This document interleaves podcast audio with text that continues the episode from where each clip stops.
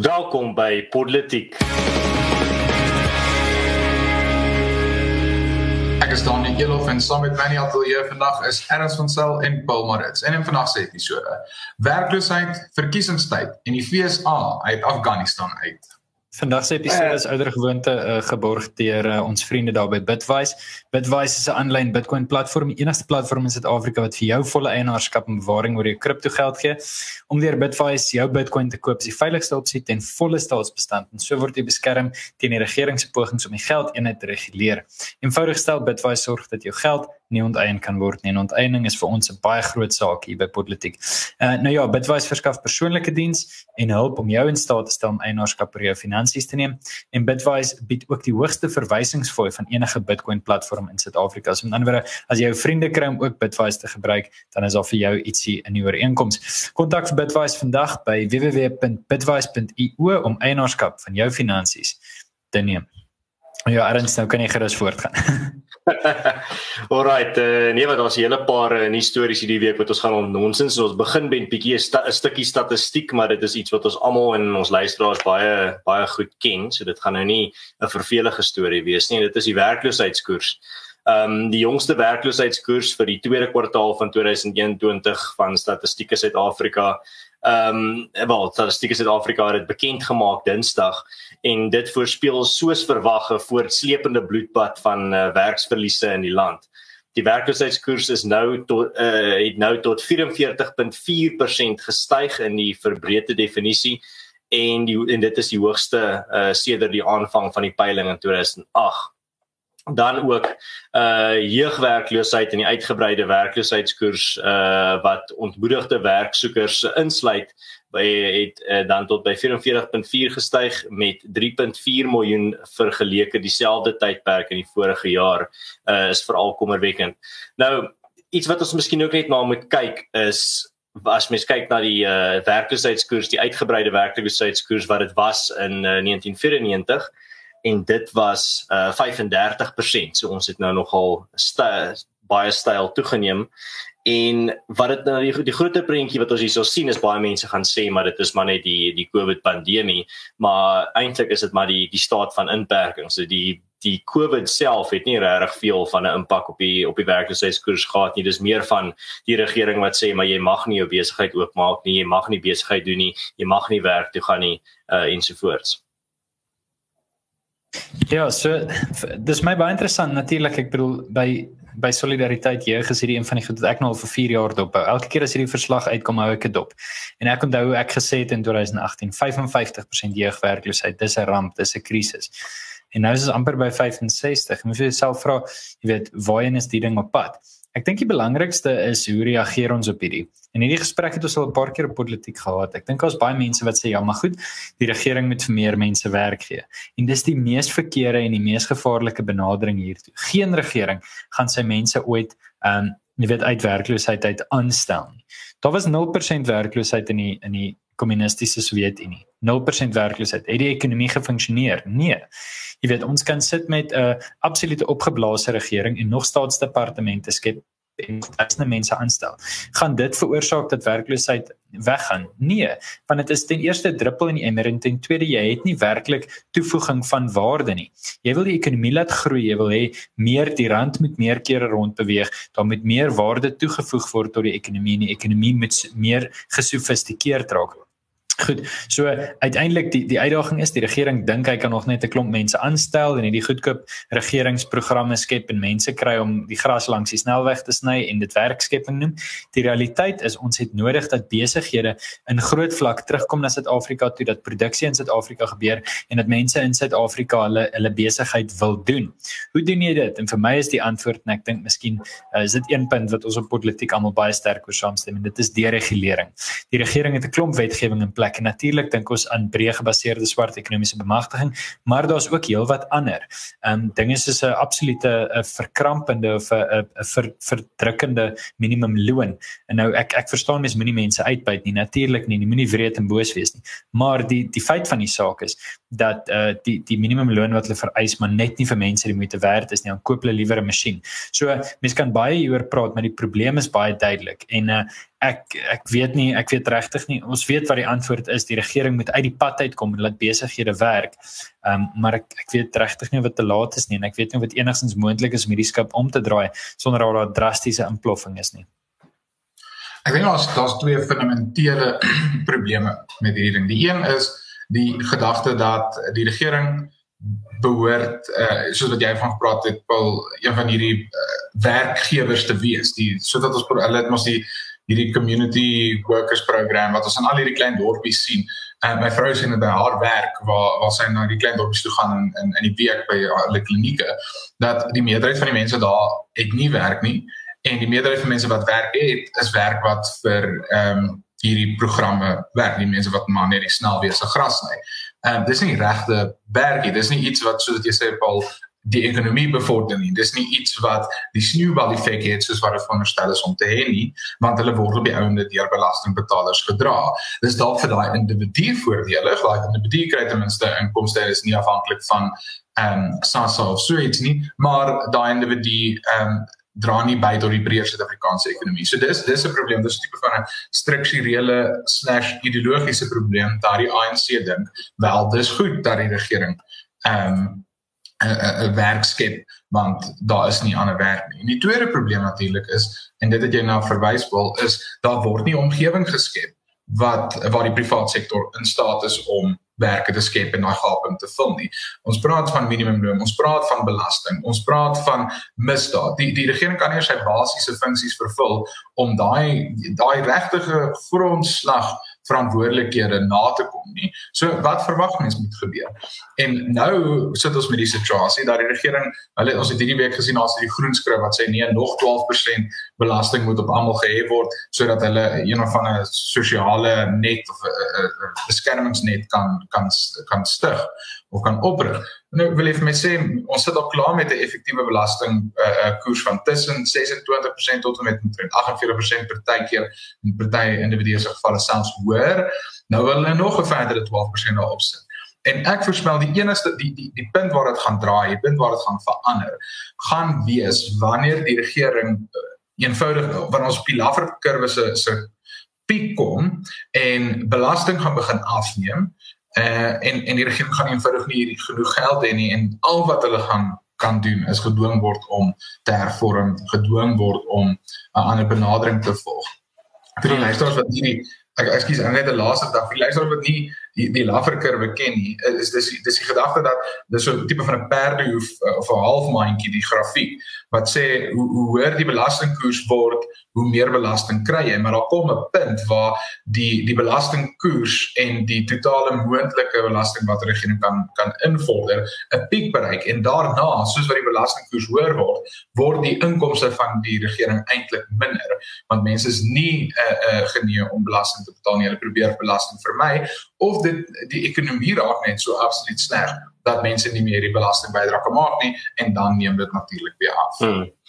Ja, Daniel, dat iets wat ons ook nie kan vergeet of uit die oog verloor nie, is die feit dat ek dink nie die ANC huil lank trane oor die, oor dat die uh, hoeveelheid werklose Suid-Afrikaners toeneem nie, maar dit tel eintlik in hulle voordeel op 'n baie morbiede manier, want nou kry jy meer Suid-Afrikaners wat afhanklik is van uh, die in, hulle inkomste vanaf die regering deur uh, uitbetalings. En wat ons dan sien is dat uh, hierdie as hierdie basis net aanhou groei, is daar net al hoe meer Suid-Afrikaners wat hulle inkomste en hulle werkloosheids uh 'n betalings van die regering afkry wat beteken dat as die die ANC elke keer is wat dit wat dit verkiesingsseisoen is kan hulle maar net sê maar onthou as daar 'n ander party in beheer kom gaan julle julle gaan ons gaan die kraantjie toegedraai word en julle gaan nie meer die inkomste kry van die regering af wat ons vir julle betaal nie. En dit is op die ount uh, hoekom die ANC en jy kan dit duidelik sien hulle gee nie regtig om oor die hoeveelheid werklose uh, Suid-Afrikaners wat daar is nie. Um, hulle hulle spog eintlik oor die feit oor hoeveel uh Suid-Afrikaners is afhanklik van die regering vir hulle inkomste. Ehm um, so op die ou end het die ANC geen insentief om die werkloosheidskrisis van Suid-Afrika op te mors uh, uh te, te verbeter nie. En wat op die ou end gaan gebeur is jy gaan net hierdie hierdie kurwe gaan net aanhou toeneem. Daar's 'n baie goeie rede hoekom ons 'n baanbreker in die wêreld is as dit kom by werkloosheid en hoekom ons nommer 1 is.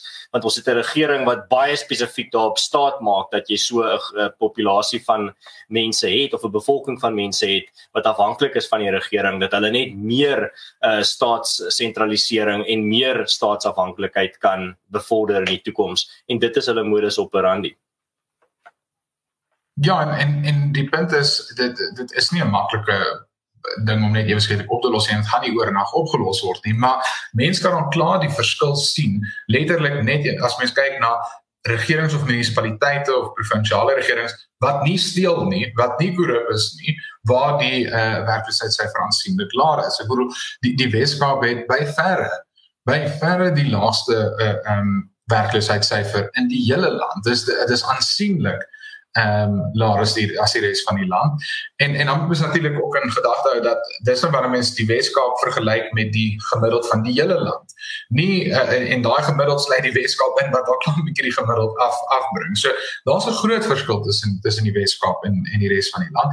En ek ek het vanmiddag gesien ek so 'n oulike grafiek wat die die parlementêre komitee op samewerkende regering in ehm um, saamgestel het wat basies kyk na watter klassifiseer munisipaliteite in vier kategorieë. Dis wat absoluut vervalle is, dis wat in ernstige gedrang is, die wat so wat 'n uh, eh, bietjie op risiko is en vier is die wat stabiel is en die wat stabiel is is in groen en die ander is dan nou skakerings van rooi, oranje en geel. En ek wil mes kyk na daai kaart en jy sien die pragtige spoggroen kolle in die Weskaap. Jy sien hierdie pragtige spoggroen kol in die suidekant van Gauteng en Midvaal waar die DA regeer en dan uh, een of twee ander ehm um, munisipaliteite in die land waar dit heel goed gaan. En eh, die die punt wat ek wil maak is ek dink op op 'n praktiese vlak is daar eintlik kleiner verskil tussen die die DA en die ANC as hulle as kom by wat se rol van die regering, maar die verskil is net ten minste steel die DA minder. En dit maak al klaar reuse verskil. Ehm um, as ons net op daai punt kan kom dat hulle nie steel nie, dan gaan dit al 'n verskil maak. Dan gaan privaat maatskappye beter uh, kan werk skep, gaan hulle beter in staat wees om hulle rol te vervul en dan begin die sneeubal effek en die momentum op die ou en bou. Mm.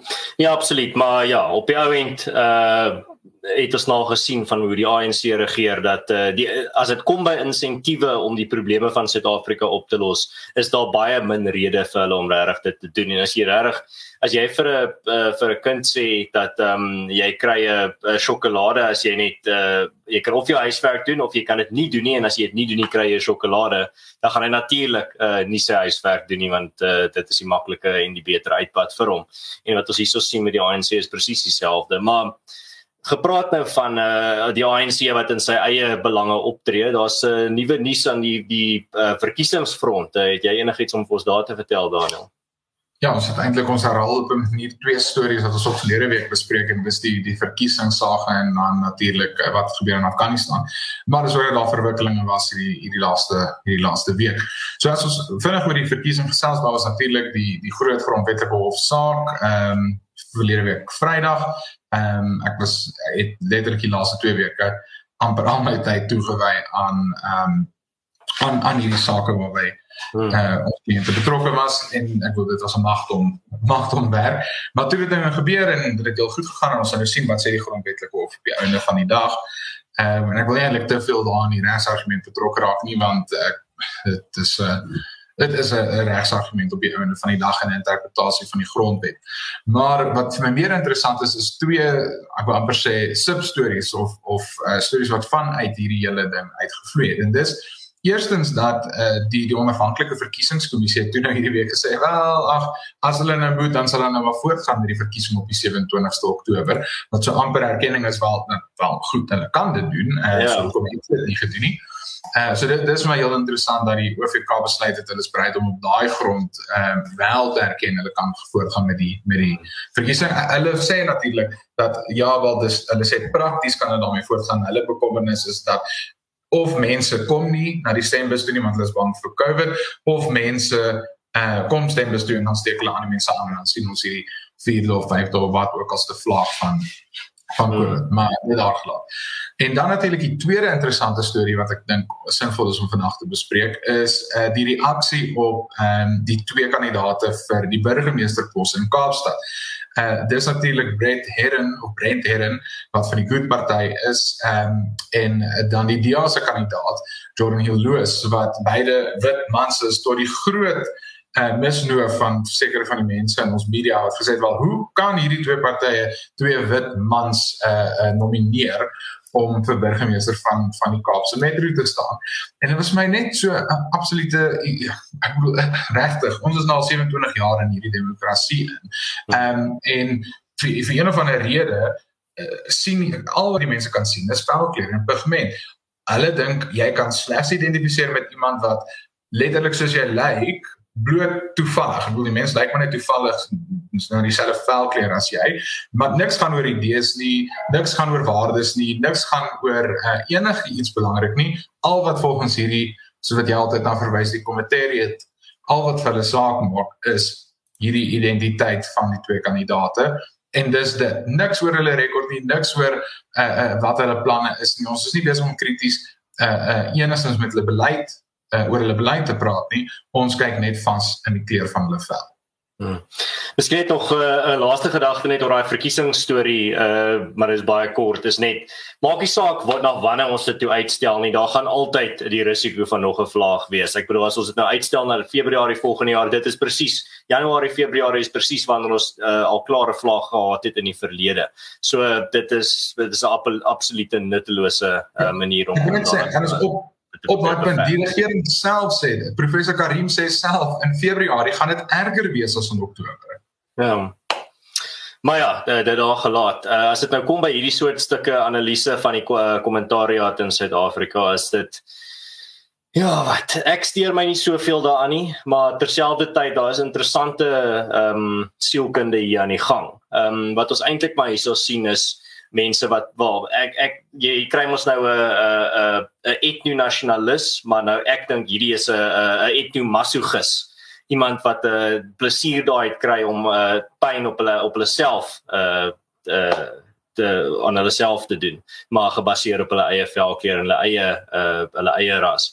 En wat ons hierso sien is eintlik maar net mense wat deegsyn. Hulle stuur 'n deegsyn uit en sê ja, wel ons weet dit is nou groot in die mode om teen wit mans te wees en wel net wit mense in die algemeen. So hierso is 'n kans vir my om dit te wys ek is uh, ek uh hou niks van hierdie wit man nie weens sy uh die uh, weens die rede dat hy nie uh, hy staan as hy toilet toe gaan in plaas van sit en hy het 'n uh, wit vel en uh dit is maar wat dit is.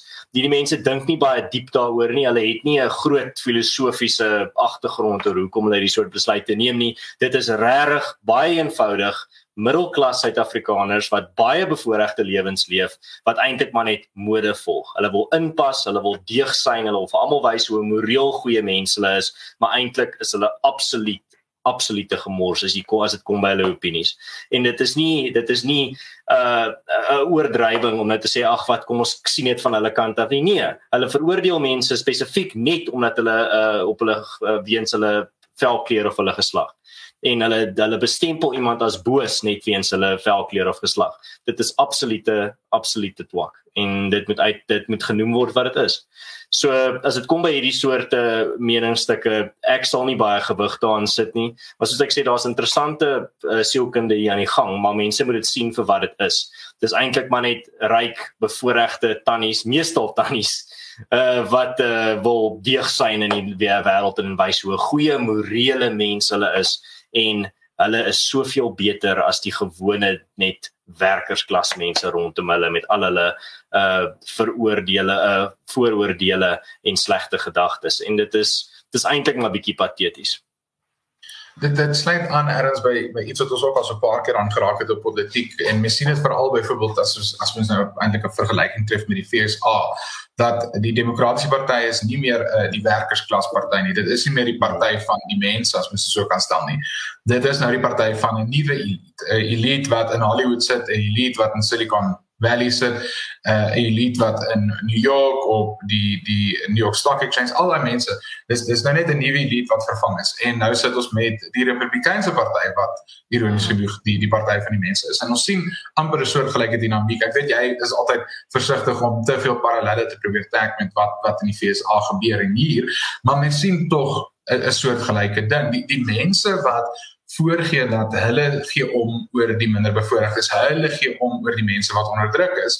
Ehm um, is is dis al wat dit is is dis net dit op skrif. Daar's niks meer tastbaar aan dit nie. Dis dis nie mense wat werklik 'n verskil wil maak nie. Hulle wil net die voorkom skep. Hulle wil net die skyn skep dat hulle wel oor enige verandering of verbetering omgee. En dit ja, herinner my nou eintlik presies, ekskuus, hier is net my ja, laaste ja, gedagte is ehm um, net voordat ons op op die lig gegaan het, het ek gesien die DA het 'n verklaring uitgereik, 'n media verklaring waar hulle gesê het wel hulle is opgewonde oor die samewerking tussen die DA en AfriForum in in die Mokopong Modimolle eh uh, uh, munisipaliteit. Nou ek het toevallig deur die hierdie afgelope naweek Vrydag toe ry ek deur ehm um, die in ou Nelstroom Modimolle en ek het nog so deur die dorp gery gewoon wel, yes, dit lyk eintlik heel right hierso. Ek ek die die dorp is mooi skoon en ek was beïndruk. Dit lyk nie vir my soos wat ek gewoond is om te sien in in kleiner dorpies in die platteland in Suid-Afrika, veral in Limpopo, Noordwes en Mpumalanga nie. En ek ek besef nou ek ek het nie geweet of ek was nie heeltemal uh, ek, ek onthou vaag weg die storie, maar die DA regeer nou al daar in beide munisipaliteite sedert 2016 en mense kan die verskil sien. Maar om terug by die punt te kom die die DA het nou hierdie ooreenkoms gesluit met AfriForum waar hulle gaan saamwerk om diensverskaffing binne die munisipaliteit te verbeter. En die onmiddellike reaksie was: "Ag, ah, apartheid is nou weer terug in Modimolle." En ek sit net en dink, is hierdie mense besig om na hulle self te luister? Hoor hulle wat hulle werklik sê? Wil hulle vir my sê dat 'n politieke party of eintlik nie eers 'n politieke party nie, 'n burgemeester se kantoor wat hande vat met 'n gemeenskapsorganisasie is dieselfde as apartheid. Wil hulle regtig probeer daai vergelyking tref om te sê dit is dieselfde en apartheid is nou daar weer terug. Dit dit is my net so aanduidend van waar diskurs in Suid-Afrika is en waar sekere mense ek ek vermoed hy dink dit regtig. Hy hy dink nie verder as as wat sy ek dink hy gaan dink nie wat sy werklikheid nie. Daai persoon dink net eenvoudig wel ek hou nie van Afriforum nie, derhalwe is dit apartheid. Hmm. Ehm um, ja, ek ek ek dink die die hele gedagte rondom samewerking in die gemeenskappe en die idees wat ons nou in Suid-Afrika het. Ek meen julle hierdie is goed waaroor ons elke week vir 'n halfuur praat en as ons mekaar sien in in ons sosiale lewe praat ons ook oor hierdie goed en ek dink uiteindelik moet ons net mekaar dood eerlik wees. Ek is ek is eerlikwaar op 'n punt waar waar ek gaan sê ek ek gaan nie regtig om nie. Laat mense sê wat hulle wil, laat mense dink wat hulle wil. Uiteindelik is daai slagspreuk waar jy gaan die toekoms leef wat jy vir jouself skep. En as ons binne die solidariteit beweging, die breër solidariteit beweging sê ons sal self, dan beteken dit ons gaan weerstand hê. Natuurlik, mense gaan nie noodwendig hou van waarmee jy besig is altyd nie, want hulle het 'n bepaalde ideologiese raamwerk. Daai ideologiese raamwerk het vir ons 64% werkloosheid gegee. Daai ideologiese raamwerk het vir dorpe wat water en krag gehad het, absoluut nie donkerte en nie droogte gesit. 'n Mens moet op 'n punt kom wat jy wat jy sê, ek sit my sitplek gordel lekker styf aan, doen wat jy wil, sê wat jy wil, lewer kommentaar. Ehm um, as ek bedreig word, gaan ek nie terugdreig nie. Ek sal myself net, jy weet, staal daarvoor. As dit lyk of daar, jy weet, uitdagings gaan kom in terme van geweld en sulke goed, maak jy jouself reg vir dit en jy verdedig. Ek dink die oorval hoërskool saak is 'n goeie voorbeeld daarvan. Maar die gemeenskap saam gegaan het en natuurlik Daniel, jy was was lekker plek vir jou om ook jou dan dit is net een van jou vroeë sake. Maar ehm um, Jy weet dis dis tipies uh dis tipies wat ons van praat. Laat die wêreld sê wat hy wil. Uiteindelik moet die gemeenskap besef jy vat verantwoordelikheid vir jouself as agent. Um en ek ek ek dink toenemend. En mense sal jy weet natuurlik daar's politieke opinies, ons stel debatte gevoer oor individualisme en gemeenskaplikheid en al die goed, maar ek dink selfs die sterk individuele denkers soos die DA sal in hierdie stadium saamstem. Die die kragpunt die die punt van organisasie die hefboom waarmee verskil gemaak gaan word is die gemeenskap. Is dat jy gaan nie terugsit in jou leunstoel en wag tot die regering iets doen nie. Jy gaan opstaan en sê vir hierdie erfie van my en vir die twee huise langs my en die oom oor kan die pad vir hom kan ek verantwoordelikheid vat. Dis nie moeilik nie. Jy weet jy het 'n ekstra baadjie die ou oor kan die pad het nie of die man wat op die hoek van jou straat staan het nie 'n baadjie nie. Vat vir hom die baadjie. Maklik jou gemeenskap het al klaar sterker geword. Dit is nie moeilik nie. Ons moet letterlik net ons ons knie reguit maak opstaan staan en iets doen. En dis wat besig is om te gebeur. As mense nie daarvan hou nie want hulle wil hierdie staat met alles doen, dan moet hulle net maar uit hulle 1961 denke uitkom en asseblief by ons aansluit in die 21ste eeu. Wel eh, nou genoeg gepraat van die eh, die opinies van die die die tannies wat daar in die luukse voorstede bly wat hulle bokswyn drink en die metro mannetjies wat hulle hare kleur. Uh ons kyk nou 'n bietjie oor die oor die see na 'n ander land wat ons al voorheen oor gepraat het en dit is Afghanistan, 'n land waar hierdie tannies nie baie nie in die strate gesal kan rondloop sonder om hulle gesig toe te maak of waar hulle nie eers sal kan alkohol drink nie. Daai lekker bokswyn gaan nie so so glad verloop in daai afloop in daai land nie. So Paul, wat het jy vir ons 'n bietjie te vertel daarvan Eh, die rowwe Afghanistan. Ja, so dit gebeur min dat ons op politiek dieselfde storie twee of drie keer in 'n ry doen, maar ek het verlede week redelik inligting gegee oor hoe die Afghanistan saak waar dit vandaan kom en hoe dit gekom het om te wees waar dit is. So die van julle wat bietjie onseker is oor hoe die situasie ontstaan het, gaan kyk gerus verlede week se episode. Maar kom ons sê breedweg dit het begin in 1999 toe uh, Amerika die Taliban en Al-Qaeda as terrorisme organisasies verklaar het saam met die Noord-Amerikaanse um, verdragsooreenkomsorganisasie. So gaan kyk maar na daai goeters. In terme van wat nou gebeur het, president Biden gesê die afsnypunt vir hulle om uit Afghanistan uit te kom is 31 Augustus. Nou as as jy besef hoe kort daai tydlyn is om hierdie tipe um, om hierdie tipe uittrek organisasie te doen, dan besef jy dit is waansinnigheid aan sy kant. Daar's letterlik um, in die laaste week ietsie soos 4000 Amerikaners uit Afghanistan uit, maar dan moet ons ook besef dat die Taliban beloof het nee, hulle gaan nie mense wat saam met Amerika gewerk het doodmaak nie, teregstel nie en so aan en dis nou besig om te gebeur. Ongelukkig so kom die gerugte vir ons voor. Verder as dit moet jy weet moet ons ook vir onsself sê, um, wat Biden se argument is is nee, ons gaan net vlugte uit uit Afghanistan net tot 31 Augustus want daarna kan dit dalk oorlog ontketen. OK, dis 'n leen, daar's al reeds 'n oorlog aan die gang. Dit kan die oorlog 'n bietjie verleng. Punt 1. Punt 2 is die Taliban dan nou die regering? Wat almal vergeet is, hierdie is nie 'n amptelike regering nie. Ja, China werk met hulle, ja, Rusland praat met hulle. Ja, hulle gaan nou 'n setel hê op die Verenigde Nasies se oor vroue regte. Al hierdie goed lees ons en is absurd, maar uiteindelik is hulle nog nie 'n regering nie. Hoekom op dese aarde is Amerika so versigtig vir hierdie ouens. Um dis vir my ontsettend vreemd en en verder as dit moet 'n mens ook bietjie terugkyk na die geskiedenis. Daar's 'n baie interessante artikel van Niall Ferguson wat ek regtig kan aanbeveel. Joe Biden was al reeds 'n 'n lid van die Senaat of van die Huis, ek's nie presies seker nie, toe Amerika uit Saigon uit onttrek het. En toe het presies dieselfde ding gebeur. Ewe skielik oornag onttrek jy. En daai tyd was die argument van die Republikeine, nee, maar ons gaan in die volgende verkiesing 'n sterk punt hê om op te staan en sê, maar jy weet al hierdie mense wat sê stop die oorlog, ons het die oorlog gestop. Die waarheid van die saak is die Republikeine is nie daarna weer verkies nie. As ek reg is, is Jimmy Carter verkies uh, van die Demokrate. So dit beteken nie vir die Amerikaners noodwendig so baie nie. Ek dink dit gaan Biden baie erger, um, jy weet in die rug byt laat hierdie tipe beelde van mense wat vlug vir hulle lewens nou moet vlug as gevolg van dat hy nie 'n ordentlike plan in plek stel nie. En ja, dit is al 'n gesprek van Bush en Obama se tyd af. Natuurlik, en Trump het lang gesprekke met die Taliban gehad. Natuurlik maar ek dink nie enige van hulle drie sou beplan het dat dit op hierdie manier moet gebeur so vinnig en so holders te bulder nie. Ehm um, so nee, kommerwekkend en regtig waar net die die absolute lewensverlies. Al sou die Taliban dan oorvat, goeie genigtig, dis 'n eerste wêreldse land Amerika. Kan jy nie net 'n ordentlike gesprek met hierdie mense gehad het voordat jy jy weet onttrek en oorgee nie. Um ek ek weet nie daar's so baie wat ons nie verstaan nie en dit sal oor die ja. volgende 20, 30 jaar vir ons duidelik word kommerwekkend uit uit Afghanistan uit. Mm. Nee wat uh ek het my volgers op Twitter herinner laasweek 'n uh, ryke val nie oornag nie, maar dit is iets wat baie stadig gebeur. Is iemand dis iets wat jy stadig gaan stukkie vir stukkie begin opmerk. Nou en iets wat ek ook laasweek genoem het op politiek en net om miskien aan te sluit by wat jy gesê het Paul hierdie is absoluut 'n katastrofiese uh, uh onttrekking uit uh, Afghanistan uit deur Biden want mense moet in ag neem soos ek laasweek genoem het dat daar was 'n skietstilstand met die Taliban onder Trump nog uh uh uh op op besluit vir uh, vir Mei 2021 en die feit dat Biden toe gegaan het en dit met 2 maande vooruit beweeg het omdat hy geweet het as hy het op as hy in Mei onttrek dan is dit Trump se onttrekking as hy dit 2 maande later onttrek dan is dit sy onttrekking waarvoor hy kan krediet vat. En dit daai roekelose besluit op die ount het toe gelei dat die Taliban toe die uh, die uh, oor een die ooreenkoms van die skietstilstand verbreek het want uh, dit was net geldig tot op uh, tot op 1 Mei. So op die ount wat ons hierso sien is maar net weer 'n uh, absolute katastrofiese uh, beleid van 'n van 'n regering wat definitief nie lyk asof hulle weet wat hulle doen nie.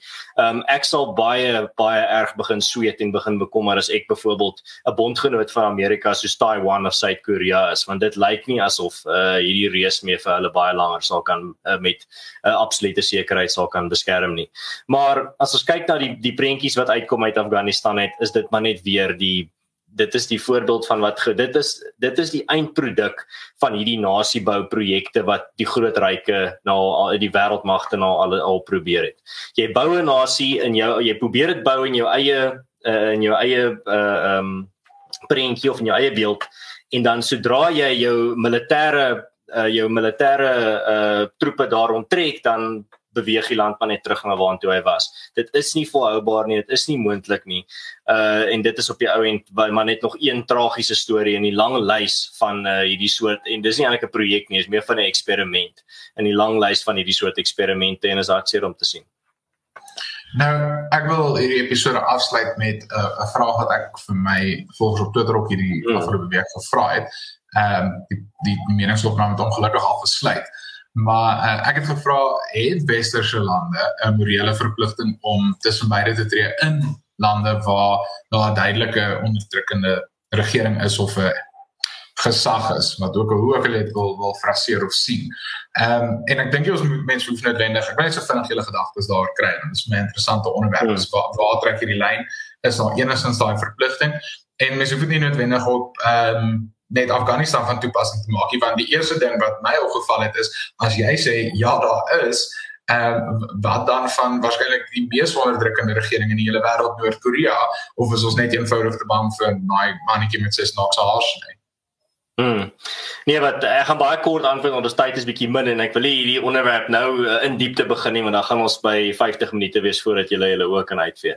So uh, my eenvoudige antwoord daarop is dit is nie 'n uh, regtig 'n vraag van moet jy dit doen nie. Dis eintlik 'n vraag van hoe gaan jy dit regkry? Jy moet vir jou vra watse metodes gaan jy moet gebruik om dit te doen? Kom ons sê daar's 'n land wat besig is om iets te doen wat moreel teen jou waardes is gaan jy hulle gaan annekteer en in jou kolonie verander en dan jou moraliteit op hulle afforceer.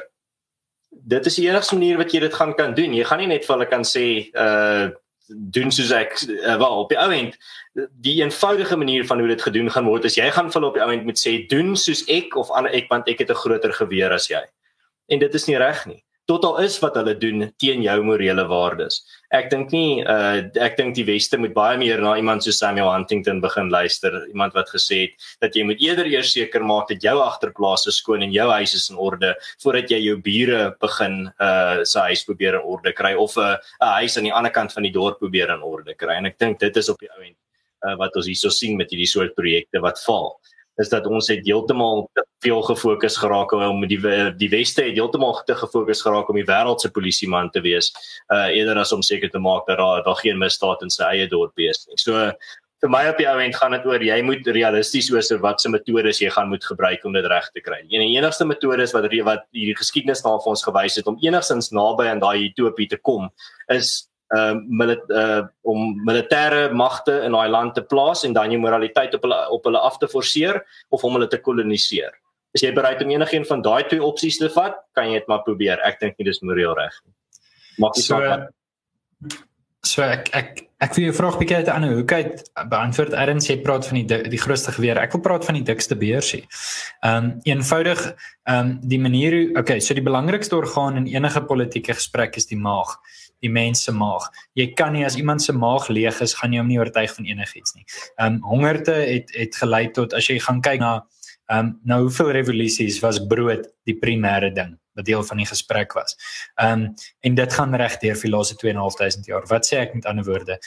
Uiteindelik dink ek dat 'n klomp van die 20ste eeu gebeur het in in terme van sosio van van politieke verhoudings as gevolg van die ekonomiese mag wat die weste gehad het en die kommunis kommunisme wat die ortodokse deel van die wêreld en die um, ooste as mens nou Huntington se indelings vat homself in die voet geskiet het. Maar daai fase is verby. Ewe skielik wanneer dit gaan oor finansies, sien jy dat Jacinda Ardern, seker die mees liberale leier in die wêreld of een van die mees liberale leiers in die wêreld, sê maar kom ons gee vir China 'n kans. Kom ons hoor wat hulle te sê het. Moreel gesproke is hulle baie ver van van haar af. Sy besef, hulle is baie nader aan haar as wat die FSA is. Hulle koop haar produkte, sy is afhanklik van hulle. Die wol wat Nieu-Seeland se boere uitvoer wat een van hulle primêre produkte is, waartoe gaan dit? Jy's reg, China. Ehm um, so uiteindelik moet 'n mens besef waar die beursie lê. As jy gaan kyk na wat Amerika se rol was tydens die Bosoorlog en daarvan weet ek nie veel nie, maar ek weet dat Amerika bystand gebied het. Hoekom? Want dit was teen Kuba, maar Amerika was hierdie groot belangrike rolspeler.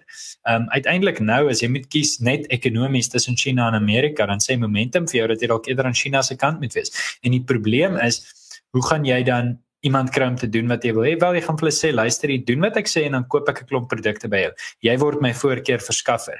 Jy jy weet dis dis maar net die Engels is coercion. Jy jy forceer mense soort van so bietjie met met finansie, finansiële insentiewe om saam met jou te werk. Uh uiteindelik dink ek baie lande het nou maar jy weet liberale demokrasie gevat want dit beteken dat hulle kon uitvoer na die weste toe. En dis nie noodwendig meer nodig nie want jy kan net uitvoer na 'n uh, kommunistiese of sosialistiese land. So, in elk geval dit daar gelaat. Uh, Erns ek weet jy het vir ons 'n blinkkant bo en dan uh, kan uh, kan ons maar einde se kant hmm. staan. So uh, net 'n vinnige blinkkant bo was 'n 'n letterlike blink objek in die sterreruim gisteraand. Ek kon dit nog afneem gelukkig. Ek was besig om buite te staan en toe sien ek net hierdie ding wat lyk soos 'n missiel wat deur die hemelruim beweeg en toe op jou en toe pluk ek met my kamera ag my foon uit en begin dit afneem in 'n video daarvan.